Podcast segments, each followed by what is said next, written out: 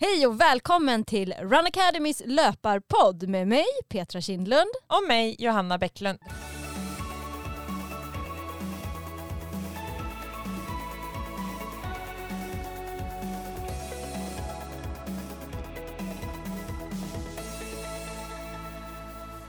I dagens avsnitt ska vi hjälpa dig hur du kan bli en bättre löpare. Vi ska ge lite tips på vad du kan tänka på för att utvecklas och vi ska också gå igenom hur det gick för Petra när hon gjorde tröskeltest på Run Academys labb. Ja, det var superspännande. Så det här blir ett kul avsnitt. Var ska vi börja med? Men jag tänkte vi kan väl börja där vi var och eh, du kom ju precis hem från en av våra löparresor så jag tänkte du kan väl få berätta lite mer. Hur var det i Atlasbergen, Marocko? I Marocko, ja men det var fantastiskt. Vi har haft en jättehärlig vecka. Dels eh, har vi haft tur med vädret, så vi har haft så perfekt löparväder runt eh, 15-20 grader, strålande sol eh, varje dag förutom sista dagen, men den kan vi berätta lite om sen. Men alla andra dagar så var det perfekt löparväder. Eh, det är lite speciellt när man bor i bergen sådär, då är det ju väldigt kallt på nätterna och på morgonen när man ska börja springa. Eh, men sen blir det varmare under dagen när solen kommer fram. Eh, så att vi kunde springa oftast med kortbyxor och linne och sådär, så det var jätteskönt. Fast på morgnarna när man ska börja löparturerna, då får man klä på sig lite extra för det är lite kallt så här första första, första minuterna när man får upp värmen. Eh, nej men så i stora drag har det, det var ju första gången också vi körde den här resan. Eh, jag var ju och rekade den för tre år sedan med Niklas som också var med nu. Ehm, och då var det första gången då vi träffade vår här lokala guide som också har hjälpt oss att styra upp allting på plats. Ehm, så det var ju lite nervöst att ha så här första resan, mycket som ska klaffa och man vet inte riktigt så här hur, hur det blir när det är första gången. Men allt har faktiskt gått eh, över förväntan, eh, nöjda deltagare, väldigt bra gäng, trevligt sällskap. Ja, så vi har haft eh, riktigt skoj. Och det som är kul med våra löparresor är att du kan vara på en väldigt blandad nivå och ändå åka med. Så att eh, ni delar väl in er i flera olika grupper under dagarna? Ja, eh, vi, vi var ju faktiskt två extra guider, eh, lokala guider och så var vi tre ledare. Så vi var ju fem grupper så det var ju väldigt lyxigt på typ 23 deltagare. Eh, så att då, då gjorde det att vi verkligen, vi hade ju väldigt utspridd grupp. Liksom, några som var ville liksom springa på ganska hårt tempo. Och sen hade vi några som, in, som nästan var nybörjare som inte sprungit så mycket tidigare. Eh, så då är det en väldig fördel. Man kan delas in i många grupper och alla kan hålla sitt tempo. Eh, syftet med den här resan var ju att få uppleva naturen och vara ute långa dagar och inte ha så bråttom framåt. Utan mer få uppleva, upptäcka kulturen, få se vyerna. Det är ju fantastiskt fint och det är väldigt härlig löpning. Det är så här lite så här sand, inte, inte djup sand, men lite så här eh, sandstigar som är väldigt, det är ganska lättlöpt där tycker jag i alla fall jämfört med många, jämfört med till exempel i Alperna så är det mer lättlöpt i, i Atlasbergen där vi håller till. Så här fina lättlöpta stigar med fina utsikter. Eh, så det har blivit eh, många fina turer och eh, jag har även hittat min absoluta favoritrunda där i Atlasbergen som jag nötte några gånger som jag tycker är superrolig att springa. Så det är väldigt mycket härlig löpning men, men sen är det också att det blir sån mm, härlig gemenskap när man är är ett gäng sådär som är ute långa dagar tillsammans. Man lär känna varandra på ett annat sätt när man liksom gör grejer ihop. Och sen äter vi middag tillsammans allihopa när vi kommer tillbaks på kvällen. Eh, och sen fanns det typ ingen internet. Det var, det, var, det var väl eh, både en för och en nackdel. Eh, fördelen var ju att, eh, att det blev ju att man umgicks ännu mer när det inte finns liksom, folk kan inte gå på sitt rum och kolla film och liksom sitta och surfa utan då, då, blir det ju mer att man umgås när man inte kan kolla på telefonerna på samma sätt utan eh, så det blir en väldigt härlig gemenskap mellan alla. Mm. Vad roligt. Mm. Superkul. Men du fick till en hel del egen träning där också eller? Ja, jag har faktiskt aldrig sprungit så mycket på en vecka som jag har gjort den här veckan. Jag, jag tycker att jag svarar själv rätt bra på träning när det är så här att man först kör med en grupp. Vi kör kanske 15 kilometer men det är ju mycket så här kuperad terräng, många höjdmeter så den kanske tar så här runt två, tre, ibland fyra timmar som vi är ute. Eh, och sen eh, äter man lite lunch och sen kör man ett eget pass efter det. Eh, då blir det ju, det blir ju, det blir ju ganska många kilometer under veckan. Ehm, men det känns som att tack vare att man att man på många av de här kilometrarna ändå springer ganska väldigt långsam, liksom springer långsamt för att vara mig så det blir ju liksom mycket lägre nivå än om jag skulle springa själv. Men det gör nog också att jag inte blir lika sliten. Eh, och att man orkar springa mer än vad man kanske skulle gjort tidigare. Så man får verkligen öva upp att vänja kroppen bara vara ute länge och, och så. Eh, så att jag hade en, en, bra vecka. Jag fick ihop eh, typ 18 mil totalt under den veckan när vi var där. Så, så mycket har jag aldrig sprungit tidigare.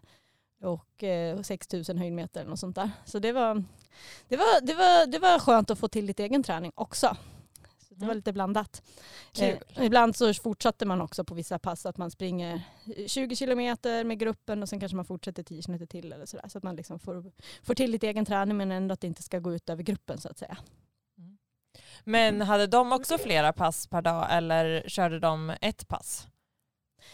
Eh, men vi, ofta så var det fokus på ett längre pass där man liksom ska mer uppleva naturen och kulturen som oftast var på runt 15 till 20 kilometer lite beroende på på nivå. Eh, ofta så var det mellan 500 till 1000 höjdmeter i det. Så det tog ju oftast tog ju tre, kanske tre timmar ungefär de turerna. Sen någon tur var vi också upp på hög höjd. Eh, eller vi bodde ju på runt 1000 mm. meter eh, över havet. Men eh, en, en dag på torsdagen så åkte vi även upp till Ilmil där det är lite högre toppar uppåt 2 500.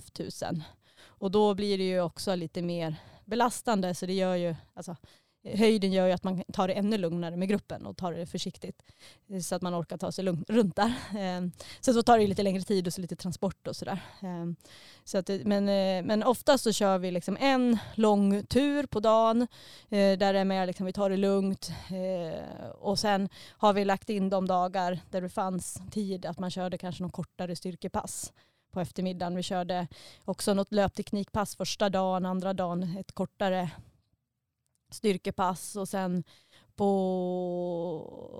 an, vissa dagar sen på slutet i veckan då kom vi hem så pass sent. Då var det liksom heldagsturer.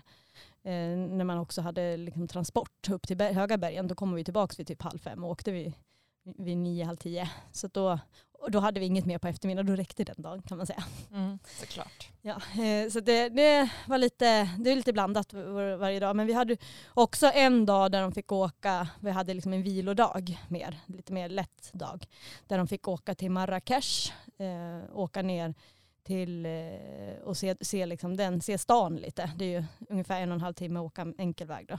Så det blev liksom en lång utflyktsdag och även att man fick testa att springa i öknen och det är också så här, det blir en helt annan upplevelse än av att springa i bergen. Men då var det bara en, en kort, kort uh, tur i öknen, så, så här, sex kilometer, så här, lite lätt jogg. Eller vissa också valde att bara promenera.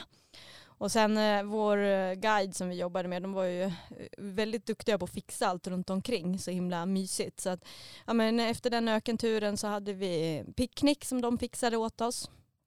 Eh, och även efter den här bergsturen när vi sprang i, uppe i Ilmil så hade de fixat en picknick med liksom eh, dukat upp jätte, jättefint med mat. Eh, och de hade också gjort så här alltså himla fint eh, på turerna när vi sprang. Eh, på flera av turerna så hade de dukat upp med lite energistationer med nötter banan och juice och så här. Så det var väldigt lyxigt så att de hade fixat, gjort så här, det lilla extra som verkligen gjorde det väldigt fint när man sprang sådär. Härligt. Mm. Men sen är det så häftigt just i Atlasbergen. Det är ju, det är, det är också så här uppleva kultur på en helt annat sätt än vad man ser kanske mer i Europa. Eh, vi, vi sprang ju förbi många av byarna där, där berberna bor, som är eh, liksom en, en urbefolkning där uppe. Och de bor ju helt annorlunda än vad man gör Eh, Eh, i, nere i städerna. Det är, ju, det är ju knappt någon elektricitet och de har fårherdar som går och vaktar sina får om dagarna och eh, kvinnorna går och plockar pinnar för att eh, få eld liksom, och kunna laga mat. Så, så det är en helt annan kultur och det är häftigt att få möta det genom de här löpturerna. För vi springer ju alltid genom de här eh, byarna under turerna. Så det var också en häftig kombination att det både är häftig miljö att springa i men också en häftig kulturupplevelse att få känna liksom, och träffa på. Mm. Låter härligt och som en eh, hel, alltså man fick verkligen allting på resan. Man både får löpning men sen också uppleva mycket kultur. Ja, så att det, det är väldigt lyxigt som resenär att få följa med och bara få allt serverat. För att när vi, jag och Niklas åkte så var det ju inte riktigt samma upplevelse när man ska förbereda allt. Eh, för då, för guiderna, han tog ju med oss på lite konstiga löpturer då också. Så då fick man ju välja det som är absolut det bästa till deltagarna sen av det vi fick testa på då. Så att det blir, det blir väldigt lyxigt att få, få allt serverat sådär som deltagare också. Mm. Vilken var din favoritrunda som du sa att du hade sprungit så många gånger? Ja men det blev en, eh, alltså det är ju många fina runder där men jag har en extra favorit som faktiskt igår från hotellet, nio kilometer var den. Eh, så då är den först eh, eh längst en liten å kan man säga, eh, sjö som man följer som en jättehärlig stig. Eh, och sen så tar man sig upp mot en topp, så det är typ på 400 höjd, 350 höjdmeter och sånt. Eh, ganska mycket höjdmeter upp men det är ändå så här, eh, ganska lätt, det går att springa hela vägen. Eller ja, för mig gjorde det i alla fall, men kanske inte för alla. Men det är i alla fall så här löpbart.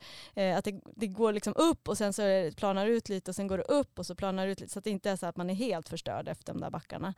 Eh, och sen är det superrolig löpning nerför. Så här, lite, det är inte supertekniskt men det är ändå lite så här att man får jobba med fötterna och ha lite snabba fötter ner så det blir så här härlig löpkänsla utför. Och sen sista biten när man kommer närmare hotellet, det finns så här, det är så här röd sand. Det är väldigt häftig miljö bara precis vid hotellet där vi bor. Men så här, jag vet inte hur man ska förklara i ord hur det ser ut. Men fina stigar och liksom ganska lättlöpt men ändå lite utmanande löpning nerför på slutet. Eh, alltså väldigt så här, rolig, lekfull löpning och det är väldigt kul att få springa på och springa hårt runt den där rundan. För det blir liksom väldigt rolig löpning helt enkelt. Så här lekfullt. Så. Man, lite tekniskt, lite utmanande på det sättet. Att man måste liksom tänka till hur man sätter fötterna och hur man utmanar sig. Men samtidigt inte för svårt så att man ändå kan ha en rätt hög fart liksom, genom hela turen. Och sen är det fantastiskt fint överallt också. Mm. Så det är nog, ja men det, det, alltid så när jag springer där så har jag så här rätt bra känsla också. Det gör ju också att det blir så här härlig löpning. Väldigt kul. Eh, så det är, ja så att det fler, för, för, nästa år så följ med till Atlasbergen och spring där. Det är verkligen magiskt. Det är väldigt fint. Mm.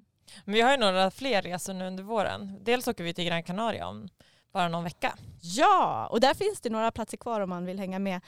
Eh, och där är också jätte, jättehärlig löpning. Eh, lite annorlunda men ändå påminner lite att det är lite så sandstigar, nästan, inte sand, alltså, det låter som att man ska eh, djup, men det är så här lättlöpta stigar, inte steniga stigar om man säger som det kanske är lite mer Alperna, lite mer steniga stigar medan både här i Atlasbergen och på Gran Canaria lite mer så sandiga stigar som är lite mer lättlöpta.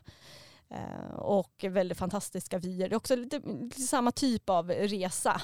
Eh, med det här med att uppleva, upptäcka, inte så högt, högt tempo utan mer bara få njuta av naturen och, och, att löpningen blir ett sätt att uppleva naturen med. Mer än, än att det är liksom att nu ska man prestera och ringa intervaller och så utan mer bara att få uppleva och njuta eh, med hjälp av löpningen och löparskorna. Det är, löpning är ju på det sättet ett fantastiskt sätt att upptäcka miljöer på. Det går ju betydligt fortare än att gå eh, och eh, det gör ju att man hinner se väldigt mycket mer. Och sådär. Så det är ett väldigt lätt sätt att ta sig fram på också. Mm. Mm, så det är jättefint. Och sen åker vi ju till Prag där du ska följa med. Ja, så sen blir det Prag halvmaraton. Så är man sugen på att utmana sig själv i en halvmara så finns det platser kvar även dit. Den går första april och då kommer vi åka en torsdag och komma hem på söndagen. Just det. Men eh, du har ju sprungit det loppet förut. Vad, vad tycker du om det loppet? Eh, men jag tycker det är, det är fint lopp. Alltså Prag är en jättefin stad. Eh, det är en, en liten bit som har kullerstenar, sen vet inte jag om de har gjort om. Det var några år sedan jag sprang om de har gjort om banan någonting. Men den går nog relativt på samma ställe där den har gått tidigare. Så det är väl några delar som är lite med kullersten men annars är den väldigt lättlöpt. Mm, de slog ju bana. världsrekord förut, nu vet jag inte, nu har de säkert slagit det igen men det var i alla fall något år när jag var där och sprang så slog de ju världsrekord. Ja. Så det är en snabb bana, jag har mitt personbästa från den banan också så det är ändå lätt, lättlöpt bana, det är inte så mycket backar liksom. Nej. typ inga. Det är det inte. Ja. Och det är ju kul och roligt att åka tillsammans. Nu är det flera stycken som åker och springer loppet och det blir en härlig gemenskap att, att liksom peppas innan och eh, här vi kommer ju gå ut och äta och ha lite program där dagarna innan loppet som sen är då på lördagen och sen får vi fira lite tillsammans efteråt så det kommer bli superkul. Mm. Mysigt. Mm. Ja, och sen har vi ju i vår fler resor, dels eh, till Kroatien i början på maj om man vill ha lite mer så här sol och bad och kombinerat med härlig träning. Då är det lite mer så här, äh, till skillnad från Atlasbergen så är det lite mer så här intervallträning, lite mer styrkepass, lite mer löpteknikfokus, lite mer liksom, den typ av träning. Men också, vi har också något pass, ett myspass där vi springer liksom eh, vi, vi blir skjutsade bort och så springer vi tillbaka efter havet som är väldigt fint och också ett pass där vi tar oss upp till en toppvårsack som är nästan tusen höjdmeter. Man får testa vandra upp eh, och få en riktig utmaning och sen får vi transfer ner. Eh, så det är en riktigt häftig, häftig, häftig resa. Så det är en kombination av att uppleva men också få till en bra liksom, träningsvecka om man säger. Och sen har vi också eh, Davos i sommar där vi har varit tidigare. Vi var där förra året också. Eh, så då var jag med där och det var väldigt fin löpning tycker jag. jag. Det var första gången jag sprang i Alperna. Jag har inte sprungit upplevelselöpning på det sättet. Men jag blev förvånad över att eh, det var faktiskt väldigt, väldigt fint. Dels var det jättefint, men det var också kul att utmana sig på ett annat sätt. Just det här med att ta sig många höjdmeter uppför, eh, springa uppe längs, det tyckte jag nog var det finaste när man sprang uppe längs kanten på bergskanten. Och sen var det lite läskigt utför på de brantaste ställena. Men där kan man ju anpassa, vi tog ju en jättebrant väg ner. Ehm, så där kan man ju anpassa verkligen och man blir bättre. Ehm, men det var jätte, jättefint. Och sen har vi en ny resa till Slovakien. Ja, det ska bli jättekul att få åka till Slovakien, till Hajtatrasbergen som är en jättestor bergskedja där i Slovakien. Eh, superfint där. Eh, vi bor också jättefint precis vid en sjö Eh, med utsikt över sjön där. Och sen eh, kommer vi också ha lite långa dagar uppe i bergen, eh, mer att uppleva och sådär. Påminner lite om Alperna men ändå liksom helt annorlunda. Eh, lite så utmanande kommer det vara med lite stenar. Eh, så lite så, här, lite så stenig miljö men också ändå löpbart. Eh, men vi kommer också ta oss en dag till Low Tatras som är en annan del i närheten. där vi mer springer i mer, lite mer annan miljö, lite mer så sandigare stigar och lite mer lättlöpt. Så. Men det kommer vara en stor variation på turerna där så det kommer bli jätte, jättehäftigt att få åka dit och köra den resan. Mm. Och sen har vi även några svenska läger. Dels ska vi åka till eh, Gålö en helg mm. här i Stockholms skärgård. Så där kommer det vara en träningshelg med lite olika pass. Eh, och sen så kommer vi också ha ett läger på Österlen. Mm, vackra Skåne där. Eh, jättefina Eh, Eh, löpning där i Skåne. Sverige är ju bra fint eh, så att eh, man behöver inte, inte åka långt bort för att få fin löpning.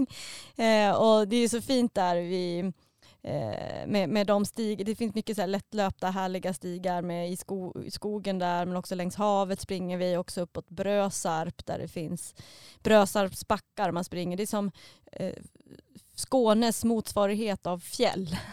Eh, där man springer och får liksom, kommer upp på höjderna där det inte är något träd och utsikt, liksom långa utsikter. Eh, så det är verkligen lite så här fjällkänsla på att springa där fast i Skåne, så en annan version. Så det är väldigt, väldigt fint där. Så det, det ska också bli kul att vi arrangerar resa dit igen. Så det finns, om man vill följa med på äventyr så har vi en hel del att få uppleva här nu i vår.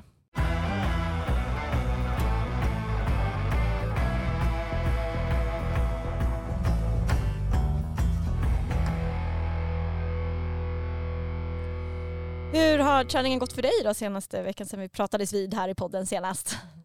Ja men det rullar på. Jag börjar träna inför, jag tänkte springa Stockholm maraton i vår. Wow. Så det är mitt stora mål. Så nu har vi lagt upp en 20 veckors period fram till eh, den. Så att nu är jag inne på första blocket har jag varit här och kört, eh, eh fått upp mängden lite igen. Mm. Så det känns bra. Så det är mycket löpning, mycket distanslöpning blir det och ganska många eh, mil per dag för att jag jobb, har fortfarande haft en vilodag ja. i veckan och då om man ska upp på eh, ja, men runt 15 mil så blir det ganska mycket de dagar man tränar eftersom att man har sex dagar. Så det har varit så här, ja, men måndag till torsdag har det varit över 100 kilometer och sen har man har jag haft vila på fredag och sen helgen igen. Så hur mycket springer du per dag då? Eh, men nu har det varit så, på måndagar har jag sprungit 30 kilometer där jag springer 1.15 på morgonen och sen springer jag 15 med backar. Mm. och lite zon 3. Jag jobbar mycket ut efter zoner, ut efter pulszoner som jag har fått fram när jag har jo- gjort tester, precis som vi ska prata om när du gjorde tester här. Eh, och då liksom utgår jag ifrån det. Så att fart, eh, det blir ju lite olika beroende på vad det är för väder. Nu har det varit väldigt bra löpväder i, eh, här i Stockholm. Så att man har ju kunnat sprunga det mesta ute. Jag har ju gått in något enskilt pass bara för att det har varit väldigt halt. Men annars har jag sprungit allt ute. Och då får man ju anpassa farten efter det.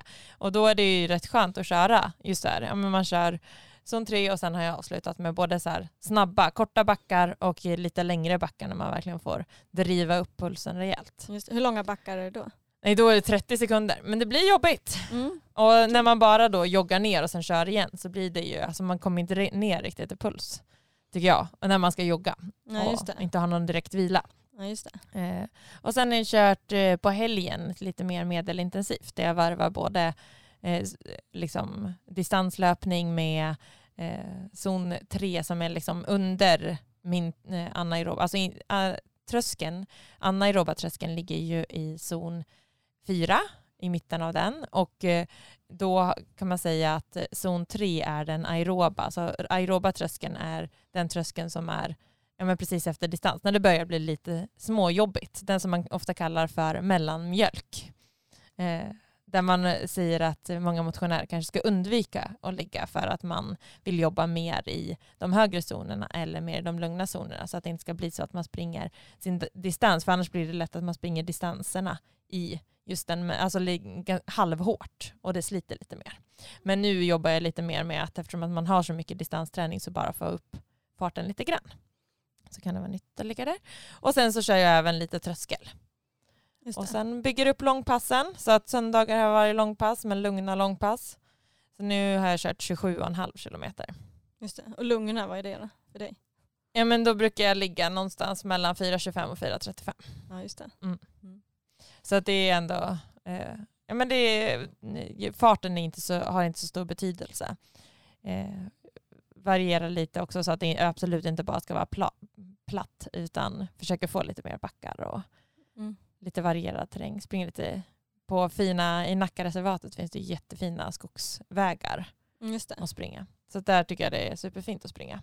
Mm. Hela. Eh, så det känns bra. Känns spännande. Kommit igång med styrketräningen igen också. Ja. Ja. Så mycket styrka kör du? Nej, 21 pass i veckan, det räcker. Ja, men det är bra. Ja. Mm. Men eh, det är ju så, vill man bara hålla i styrkan så räcker ju ett pass. Vill man sedan utveckla ännu mer så behöver man nog köra lite mer. Just det. Men jag tycker att när, alltså man får ju styrka även genom backträningen. Mm. Eh, och så att då blir det ju ändå lite mer fokus på att man bygger en stark kropp just nu. Precis. Mm. Ja. ja, men det låter som att du har en bra plan här nu framöver med mycket rolig träning. Varierande. Ja, Ja. eh, än så länge är det kanske inte supervarierande men det kommer, det kommer bli mer varierande. Okej. Mm. Men det blir många tidiga morgnar. Springer ofta på morgonen. Alltså vid, jag stiger upp fem och sen så ger jag mig ut första passet. Så att det är klart halv sju. Oj. Mm. Ja. Ska man avverka 15 kilometer så tar det ju lite tid. ja, Speciellt det. när man är lite seg på morgonen också. Ja. ja, det gäller att vara disciplinerad där för att komma iväg då. Mm. Mm. Då får man verkligen ta tipsen som vi hade förra veckan. Ja, just det. Lägga fram kläder och hålla på. Annars, annars är det lätt att man bara, nej, skiter i det här. Ja, exakt. Ha- Var förberedd också på vad det ska vara för väder dagen efter. Ja, Så att man är lite, det är alltid, alltså, jag måste kolla vad vädret är. För att om man vaknar och man ser att det är snö, om man inte har tittat då så blir man ju, då känner, då har jag varit några gånger för något år sedan när det, när det var, verkligen var så här, det hade kommit så mycket ny snö. Jag bara, nej men ska jag ge mig ut eller ska jag inte? Men då hade man alla kläder framme, man var lite förberedd på att det kan vara. Så då var det lättare. Ja. Mm. Så det, men du, nu ska vi komma in på ämnet och varför vi vill prata lite om tröskeltester är ju för att just att få reda på var ens pulszoner ligger så gör ju att man kan träna eh, på rätt ställe, alltså att man lägger passen i rätt eh, fart, alltså både för i rätt ansträngning ska man säga. Så att pulsen ligger rätt och eh, man, eh, vi utgår i testerna från laktatvärden och det är också om man vill mäta laktat men det är inte nödvändigt. Men här får man ju puls och sitt laktatvärde och sen så får man ju också koppla det till Borgskalan vilket är väldigt nyttigt. Ja, jag tänkte att det kan ju vara, vara bra först att förklara vad är tröskel egentligen? Tröskelfart? Tröskel. Ja men tröskel eh, innebär egentligen den eh, fart man kan hålla under 60 minuter sammanhängande löpning. Alltså det är ju precis under ens mjölksyratröskel där man drar på sig mjölksyra. Så man vill ju ligga precis under där. Eh, och eh, här är det ju, farten är ju sen så här, ja, men om man tänker 60 minuter sammanhängande, man kör ju sällan kanske 60 minuter sammanhängande tröskel när man tränar på tröskel. Så därför är farten kanske inte det som är det viktigaste, utan det är ju mer pulsen, var man ska ligga på sin tröskel så att det blir rätt ansträngning.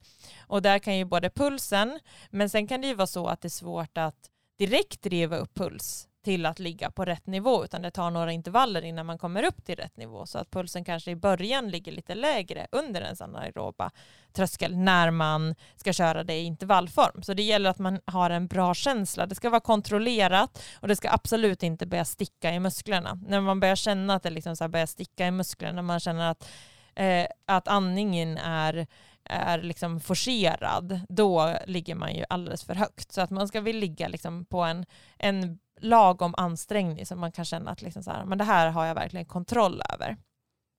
Och det är ju eh, väldigt populärt nu och speciellt att jobba både utefter laktatvärden. Så att eh, mycket av svensk elitlöpning jobbar ju mycket med eh, laktatvärdena och mycket med dubbeltrösklar också. Dubbeltröskel, vad är det? Dubbeltröskel innebär att du kör två tröskelpass på en dag. Ja, just det. Ja, det så kanske du... inte motionärer gör så mycket. Nej, Nej. Alltså, och där är det ju så här, ja men då kör man, eh, det är egentligen för att istället för att köra ett tröskelpass med kanske 60 minuter tröskel i det passet eh, så vill man dela upp det i två för att det inte ska slita lika mycket. Ja, just det. Mm. får man. Mer. Och, och här kan man ju också men alltså man utgår ju då från laktat och det här är ju laktat, eh, laktatvärdet kan ju vara väldigt individuellt eh, var det ligger när du har tröskel. Just det. Mm. Så att det är ingen som säger, det har ju varit så här, ja men, många har sagt att ja men, tröskeln ligger ungefär på 4 millimol, men det här kan ju vara så att en del har en tröskel på betydligt högre än 4 millimol och en del har betydligt lägre. Och det är därför som man måste också titta Eh, det, och tröskelvärdet kan ju också variera beroende på om du kör på morgonen eller om du kör på eftermiddagen. Så det finns ju många saker som påverkar, även hur du har sovit. Det alltså, finns, alltså, finns så många delar som påverkar hur eh, laktatvärdet eh, blir. Och därför är det bra att man också utgår från puls. Mm. Just det, och det var därför jag gjorde sånt här test då, som vi kör på Run Academy här på vårt labb. Eh, och då får man köra fyra minuters intervaller Eh, man börjar i väldigt låg ansträngning och sen får man ta ett litet stick, blodstick, eller en droppe blod som vi mäter laktat var fjärde minut. Och sen springer man på igen. Och sen så gör man det här tills man liksom egentligen kommer till maxpuls. ska man göra. Eh, så man liksom kör på var fyra minuters block. Eh, och det var, det var, jag, jag var lite orolig för det här för jag tycker ju inte om att springa på löpan. så jag tänkte att det här kommer bli jättetråkigt. Men eftersom att man börjar ganska lätt så var det ju ändå rätt trevligt. Då kunde jag ju springa och prata med vår testledare där, Amanda, en del. Så då gick tiden ändå ganska fort. Ändå. Fortare än vad jag trodde det skulle göra. Så det var rätt kul faktiskt ändå.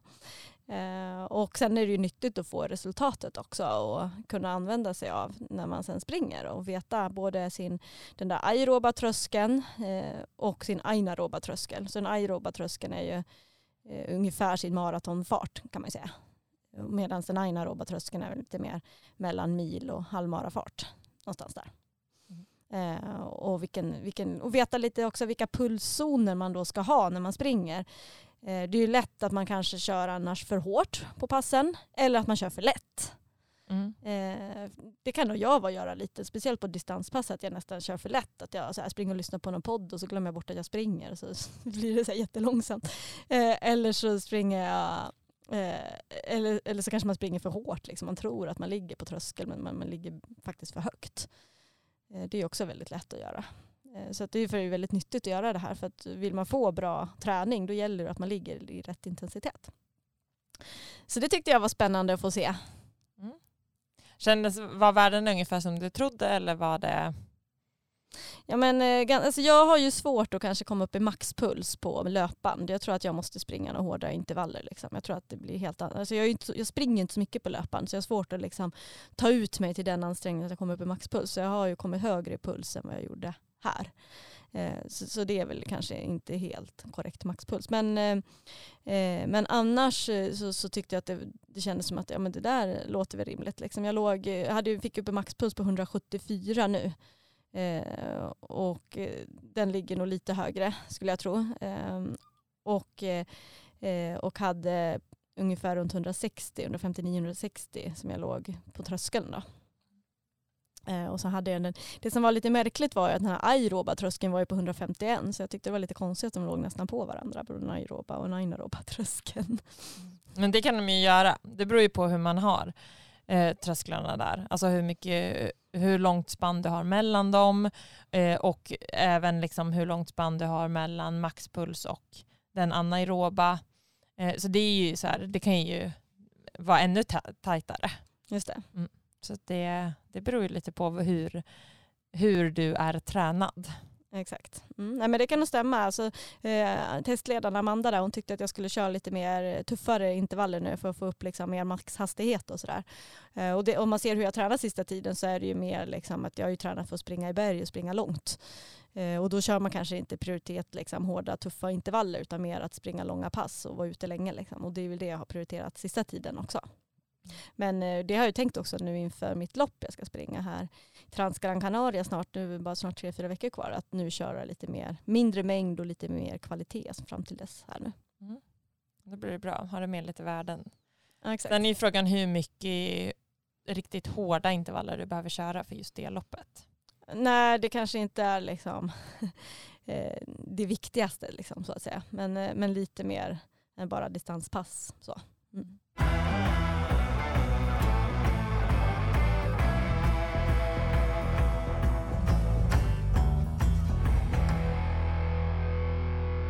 Vi har fått in en veckans fråga som jag tycker passar rätt bra in här. Eh, det är en som eh, upplever att den står och stampar i träningen, att det inte händer så mycket. Eh, springer ungefär tre pass i veckan och fem till sex kilometer vid varje pass och tycker att ja, men det här är en rätt bra kontinuitet att få in regelbundenheten med tre pass men ser inte så mycket att det blir någon utveckling. Vad tror du att man kan behöva addera till här Petra? Eh, men jag tänker att man blir ju bra på det man gör. Springer man samma runda, samma tempo, då blir man bra på att springa den rundan i det, just det tempot. Eh, så det jag spontant tänker är att man behöver variera lite mer. In, liksom högre farter, långsammare farter, längre pass med lägre hastighet och liksom intervallpass med lite högre fart. Så det blir lite variation så man inte bara nöter samma sak. Mm. Men har man, alltså om man tänker sig, ja men jag kanske har 30-40 minuter på mig vid varje pass. Då är det svårt att liksom göra passen längre. Eh, men däremot så kan man ju då, om man kör tre pass i veckan, så kan man ju sprida ut dem under veckan och då skulle man ju faktiskt kunna jobba med intervaller och tröskelträning i princip varje pass och få bra, eh, alltså och få stor variation där. Eh, men om man har möjlighet så kan man ju liksom förlänga ett pass bara för att få upp löpmängden lite mer. Så att ett pass kanske blir längre och sen kan man jobba med ett tröskelpass och ett intervallpass där man springer i lite högre, alltså man går över sin mjölksyratröskel för att utmana sig på ett lite annorlunda sätt. Så att absolut, lite mer variation i träningen och få lite mer eh, inte bara springa samma tempo, samma runda. Men kan inte du ge ett förslag då på hur den där veckan för den här personen skulle kunna se ut? Men jag skulle kunna tänka att ehm, eh, för intervallpass, där kan man jobba allt från längre intervaller till kortare intervaller. Men här kanske vi skulle börja med lite kortare intervaller så man verkligen kan driva upp farten lite mer med stå och vila mellan. Ett exempel kan vara att man jobbar kanske eh, 70 sekunders eh, intervaller med 20 sekunders vila och sen jobbar man 40 sekunders intervaller med 20 sekunders vila och sen avslutar man med kanske 20 sekunders intervaller med 10 sekunders vila. Så kan man köra sex stycken av varje och så kör man en 90 sekunders vila eller två minuters vila mellan varje sån här block. Så det blir sex stycken 70 sekunder, sex stycken 40 sekunder och sex stycken 20 sekunder och så kör man då 90 till 2 minuter mellan. Så man verkligen får ha hög fart. Så ett pass är med hög fart och sen eh, skulle man kunna lägga in ett tröskelpass. Här kanske man kan börja med att köra eh, fyra minuters tröskel. Så man kanske kan göra fyra till sex fyra minuters trösklar beroende på hur van man är. Och då ska man ligga i ett kontrollerat tempo. Så att man ligger precis, det ska vara ansträngande, du ska kanske kunna svara på korta tilltal men inte hålla långa konversationer. Du ska inte känna att du drar på dig mjölksyra. Så jobbar du där och däremellan så kan man gå eller lätt, lätt jogga i en minut. Så det är inte så lång vila heller mellan, men eh, jämfört med hur länge man håller på, att man håller på i fyra minuter. Och sen det sista passet då, om man kan så kan man kanske förlänga det så att det blir åtta kilometer, att man får vara ute lite, lite längre och lite lugnare. Just det. Och sen kan man bygga upp det där så att det blir lite längre distans för varje vecka. Det låter som en bra plan, så man får lite mer variation i träningen. Mm. Mm. Det tror jag. Och sen att man lär sig hitta, liksom, just det som vi sa, att man eh, ja, men till en början kanske undviker den där mellanmjölken, alltså zon 3. Så att man, man jobbar i distansfart som går upp då till, en, till ens aeroba tröskel, alltså där eh, och sen så, så där ska all distansträning ske och sen över Eh, sen kommer man upp och jobbar i den anaeroba, alltså runt den anaeroba tröskeln med lite längre intervaller. Och sen kanske man har något pass där man också jobbar ännu högre, att man drar på sig lite mjölksyra. Det kan ju bland annat vara backe. Just det, ett eh, backpass som jag tänkte tipsa om som kan vara rätt kul att köra men där man både får öva både backe, uppför, utför men också få in lite plan, liksom intervaller och lite så längre trösklar. Eh, det är att man kör eh, först fem minuters backe upp och ner. Det behöver inte vara en superbrant backe, det kan vara ändå så att det är löpbart. Eh, men tanken här är att det är ofta man liksom, när man kör backe att man bara övar på att springa upp för och så går man ner. Men eh, i många fall så är det många som skulle tjäna mer tid på att öva på faktiskt utförslöpningen. För att det tar ju inte lika mycket energi och kan man rulla på i utförslöpningen så tjänar man ju mycket tid där. Eh, så att då är det att man springer fem minuter upp och ner i en backe och sen vilar man en minut ståvila och sen kör man fem minuter plant. Och det är rätt skönt också, så här, efter man har kört massa backe upp och ner så får man köra liksom den här äh, plana lite mer så här, äh, där ska det verkligen gå på trö tröskelfart, liksom, att det inte ska vara så ansträngt, lite mer så här flytande, skön känsla. Eh, sen kommer man tillbaks och till backen och då kör man fyra minuter upp och ner i backen. Eh, och det man kan tänka på här är att man, man kanske inte ska köra på allt, in, allt man har uppför backen utan man ska kunna ha lite energi så att man liksom orkar springa på och flyta utför så att man får till ett fint hjul utför så att man liksom kan driva på löp, löpningen även utför. Och att det inte blir att man lutar sig bakåt och börjar bromsa sig själv. Utan så. Eh, så kör man fyra minuter så, sen vilar man en minut och sen kör man fyra minuter på plant igen. Och sen avslutar man hela passet med tre minuters backe upp och ner och sen så kör man tre minuters plant. Så syftet med det här passet är att dels få öva på både backe upp för utför men också få till de här trösklarna med liksom lite mer tröskelfart. Så de här längre intervallerna ska inte gå liksom att man pushar sig helt utan lite mer så här, eh, ja, men ansträngande tröskelfart men inte på max. Ja, men Låter inte det som ett kul pass Johanna? ja, det får du testa. Det är lite spännande. Ja. Jobba på. Men jag tror att det är superbra att man varierar där, får lite backe. Och speciellt nu när vi har lite tid till tävlingssäsongen om man känner så kan man ju bygga lite starka kroppar också. Mm. Så det kan vara bra att få in lite backlöpning i det. Och här får man också ganska mycket mängd eftersom att man jobbar hela tiden och får de här långa intervallerna. Exakt, att det inte blir, annars när man kör backe så blir det liksom man kör en backe i 30 sekunder så går man ner typ en minut. Mm. Det blir ju inte så mycket, det blir, så här, det blir inte så mycket löptid medan här blir det ju mer löpning hela tiden. Mm. Men då blir det också eh, mer muskulärt och eh, mer kanske att man ligger ännu högre i tempo om man ska, om man, när man går och vilar ner ja, backen. Ja, det blir en helt annan typ av ja. pass. Så att det är ju, och det är inte heller fel att ha sådana typer. Alltså, nej, nej. Det kan man ju också lägga in när man är ute på sina vanliga distansrundor, att man lägger in de här backsprintarna efter. Ja just det. Mm. Mm. Få lite så. Få lite snabbhet, så här, tio sekunder, vad sa du? Mm. mm. Det kan vara ännu kortare.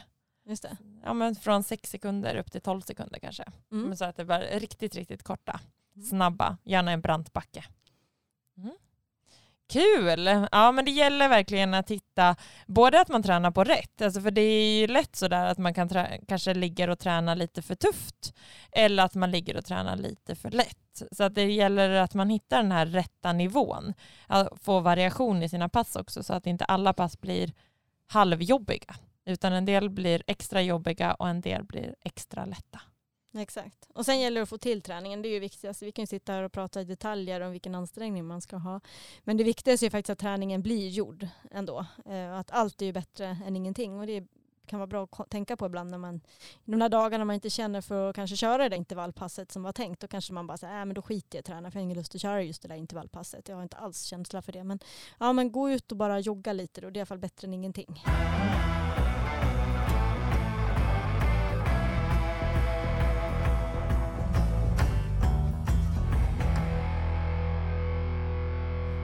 Ja, ska vi avsluta eh, dagens avsnitt med att ge tre tips till våra lyssnare hur man ska utvecklas som löpare med dessa tre tips? Mm. Men jag skulle säga tips nummer ett, prova att äh, lägga in lite tröskelträning i din veckoträning. Att man ligger där precis under sin mjölksyratröskel. Få till lite sådana pass. Mm. Och tycker man att det är väldigt svårt att veta vad, vad sin mjölksyratröskel är, men kom hit till oss då, så kan vi mäta upp det så vet du exakt vilken puls du ska ha och hur det ska kännas lite. Eh, sen eh, tips två, eh, att också försöka göra några pass så man får öva upp sin snabbhet. Att springa lite snabbare än vad man brukar göra. Lite korta intervaller. Eh, kanske på 20 30 sekunder eh, och att man upprepar det kanske 8-10 gånger, kör det två varv. Så att man liksom kör lite snabbare intervaller och inte bara nöter på i sitt, sitt vanliga tempo utan får lite explosivitet också. Mm. Och sen att man får till den här mängdträningen och att det är en lugnare fart som verkligen är eh, prattempo. Det här ska vara riktigt lugnt och behagligt. Och bara springa på lite nya platser, kanske lite ny. Nu är det ju, åtminstone i Stockholm och neråt i landet så är det ju fin, fint i skogen och på skogsstigar, elljusspår och sånt. Så att utnyttja det och spring lite distans där. Mm. Så med det sagt så vill vi tacka så mycket för att ni har lyssnat och eh, om du har någon fråga till oss så mejla oss gärna på info Lycka till med träningen!